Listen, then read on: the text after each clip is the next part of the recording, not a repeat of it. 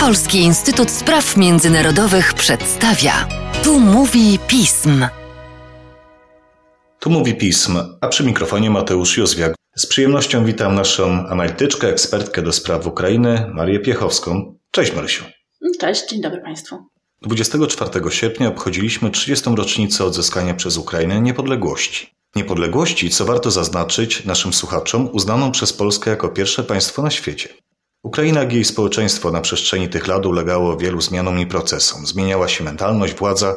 Byliśmy świadkami rewolucji, tej pomarańczowej, jak i Euromajdanu, którego efektem była reorientacja prozachodnia naszego wschodniego sąsiada. A teraz z jaką Ukrainą mamy do czynienia w 2021 roku? Czy to jest jeden naród, może dwa lub więcej? Niewątpliwie Ukraińcy dokonali wyboru. Jest to teraz społeczeństwo, które nie ma wątpliwości co do utrzymania tego proeuropejskiego kierunku. Natomiast rzeczywiście jeszcze w połowie lat 90. czy w 2000 roku było wiele dyskusji. Była taka słynna dyskusja między dwoma ukraińskimi publicystami, historykiem i politologiem, Jarosławem Chrycakiem i Mykołą Repczukiem, w której w taki trochę żartobliwy sposób wyliczali, ile jest tych Ukrain. Czy one są dwie, czy jak chciałby Chrycak, 22.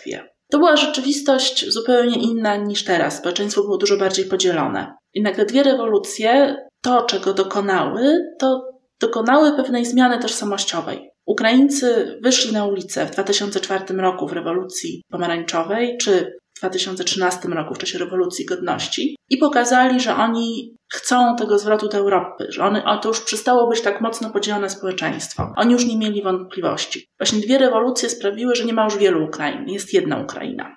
Te dwie Ukrainy, o których mówiono w latach 90., to były Ukrainy podzielone językiem, podzielone historią, językiem rosyjskim i ukraińskim, historią europejską, czyli w pewnym sensie polsko-austriacką i tą drugą rosyjsko-sowiecką. I to bardzo mocno ten podział utrwalił się w różnych intelektualnych dysputach. Rozumiem, społeczeństwo ukraińskie po prostu gdzieś dostrzegało tą różnicę, tak jak u nas często mówiło się o Polsce A i Polsce B. Trochę tak, natomiast to nie była, to była dyskusja może nie tyle spo, społeczeństwa, ale dyskusja przede wszystkim elit, które próbowały się jakoś określić. I trzeba pamiętać, że to właśnie te dwie rewolucje i to rewolucja pomarańczowa, o której często już teraz zapominamy, ponieważ ona nie miała takich efektownych wyników jak rewolucja godności, ona sprawiła, że elity zaczęły się określać zaczęły podejmować decyzje. No, rewolucja godności była tym momentem rzeczywiście przełomowym, że już elity obecne nie mają właściwie wątpliwości co do kierunku politycznego, ale też społeczeństwo nie ma wątpliwości co do tak naprawdę pewnego kierunku kulturowego. No dobrze, ale w takim razie jak teraz kształtuje się tożsamość Ukrainy? To ja może zacznę od tego, jak my ich widzimy. Bo z perspektywy polskiej, a w Polsce jednak mamy ten jeden język, nie licząc języków mniejszości etnicznych narodowych, nam się wydaje, że skoro tak jest w Polsce, to na Ukrainie też tak być powinno, że cała Ukraina będzie mówiła tylko po ukraińsku, że dobry Ukrainiec to Ukrainiec mówiący po ukraińsku. Natomiast jeżeli zrobimy badania, jak się robi badania na Ukrainie, to widać, że to nie jest takie oczywiste.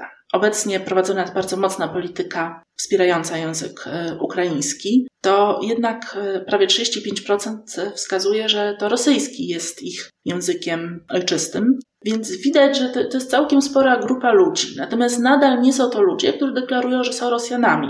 Oni dalej uważają się za Ukraińców. Zresztą mimo tej polityki wspierającej język ukraiński, rosyjski ma się bardzo dobrze. Jest to język internetu, jest to często język codziennych rozmów, chociaż już zmienia się na przykład sytuacja językowa w domu. W domach coraz częściej Ukraińcy deklarują, że mówią właśnie po ukraińsku. I my często robimy taki błąd, że właśnie oceniamy tę sytuację na Ukrainie przez polską perspektywę. Natomiast, tak jak mówię, można być dobrym Ukraińcem. Nie mówiąc po ukraińsku. Nie mówiąc po ukraińsku, że to mamy przykłady, nie wiem, z Belgii, czy gdzie są trzy języki oficjalne, czy z Kanady, gdzie można być, oczywiście się śmieję z tego dobrym Kanadyjczykiem, ale nie mówić po angielsku, a mówić po francusku. No tak, kwestia języka nie jest tylko determinantą do tego, żeby przywiązywać się do kwestii narodowościowej. Wpływają na to różne czynniki, między innymi też ten religijny. Jak to w wypadku Ukrainy przebiega? Odniosę się do polskiego przykładu. My bardzo hołubimy Kościół grecko-katolicki. Z naszej perspektywy to wydaje się taki najważniejszy kościół na Ukrainie. Rzeczywiście on ma bardzo duże znaczenie takie kulturotwórcze, natomiast musimy mieć świadomość, że tylko katolicy to tylko około 8% społeczeństwa. To jest mniejszość, to mniejszość bardzo mocno skoncentrowana na zachodzie Ukrainy, a prawosławni stanowią 75%. Dlatego można śmiało powiedzieć, że Ukraina jednak jest państwem prawosławnym.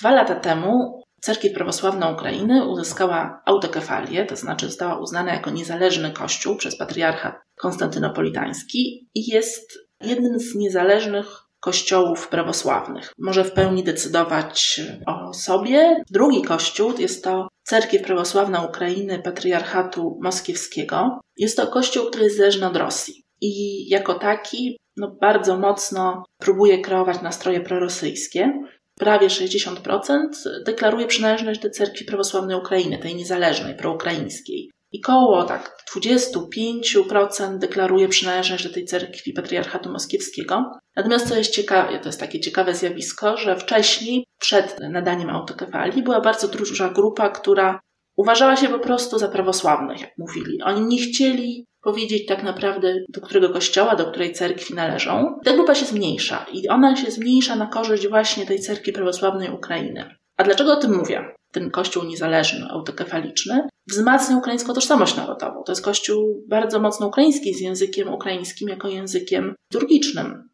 Ogranicza wpływy rosyjskie właśnie przez osłabienie roli tego patriarchatu moskiewskiego. A tylko dodam tak przy okazji, że część duchowieństwa z tego patriarchatu moskiewskiego otwarcie popierała agresję rosyjską na Ukrainę.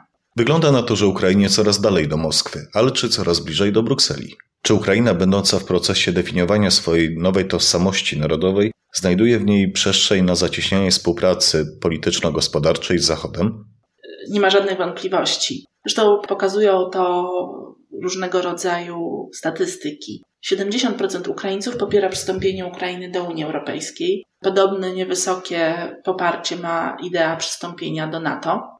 Ciekawe są badania, które badają, jak się określają Ukraińcy. Tutaj mogli wskazywać wiele odpowiedzi. No, 75% wskazywało, że jednak się czują przede wszystkim Ukraińcami, ale również e, prawie 30% zaznaczało odpowiedź, że są Europejczykami. Już jest coraz więcej. To, co jest ważne, że, zmienia, że to jest bardzo też pokoleniowe. Osoby urodzone w ciągu ostatnich 300 lat nie mają wątpliwości. Oni przede wszystkim są Ukraińcami, oni są Europejczykami i tak samo w takim sondażu badającym, co by było, gdyby dzisiaj odbyło się referendum za niepodległością Ukrainy, to wśród tej najmłodszej grupy badanych, urodzonych po 1991 roku, 87% nie miałoby wątpliwości. To są ludzie, którzy nie mają żadnej wątpliwości. Wiedzą, że chcą być Ukraińcami, że są Ukraińcami, wiedzą, że są Europejczykami. Aczkolwiek wydaje mi się, że dość duży wpływ na zmianę tego podejścia miała kwestia migracyjna też w celach zarobkowych. Na pewno to był jeden z wielu, wielu elementów. Nie sądzę, że był to element przeważający, natomiast trzeba mieć świadomość, że odkąd istnieje ruch bezwizowy do Unii Europejskiej, Ukraińcy masowo podróżują do Unii Europejskiej, też do Polski i to w różnych celach, zarówno turystycznych, no i tych zarobkowych. Szacuje się, że około 5 milionów obywateli ukraińskich przybywa stale bądź czasowo za granicą. To jest naprawdę dużo. Przy czym w Unii Europejskiej jest to około 3 milionów i to przede wszystkim przyjeżdżają do Polski, tutaj w celu głównie podejmowania pracy, ale też edukacyjnym. Tak jak powiedziałam, około 5 milionów obywateli Ukrainy przybywa stale bądź czasowo za granicą. I te migracje, i to wszystkie migracje, nie tylko ukraińskie, ale też każdego innego narodu, mogą nieść ze sobą i zagrożenia, ale też skutki pozytywne. Jedną z nich są przekazy społeczne, czyli tak zwane social remittances. One oznaczają, że to całe doświadczenie, które ludzie zdobywają za granicą, i to może być też spotykanie się z nowymi jakimiś normami, przekonaniami, pomysłami, oni po prostu biorą i przewożą do siebie, do kraju i te przekazy społeczne mają bardzo duży wpływ potem na modernizację społeczeństwa. To jest bardzo taki istotny wpływ migracji i myślę, że ta tak duża migracja ukraińska do Unii Europejskiej sprawiła, że ci ludzie doświadczyli tego życia na Zachodzie i mają nowe doświadczenie i teraz z tym doświadczeniem wracają do siebie. I też ta zmiana, do której doszło na Ukrainie, ona też to jest jakiś drobny element, który miał wpływ na nią. Krótko mówiąc, doszło do pewnej zmiany mentalnej, zobaczyli, jak jest na Zachodzie, i teraz te wartości europejskie przywożą ze sobą na Ukrainę. Budować i łączyć trudniej niż dzielić, jak to śpiewano w piosence ukraińskiego zresztą zespołu Hajdamaki.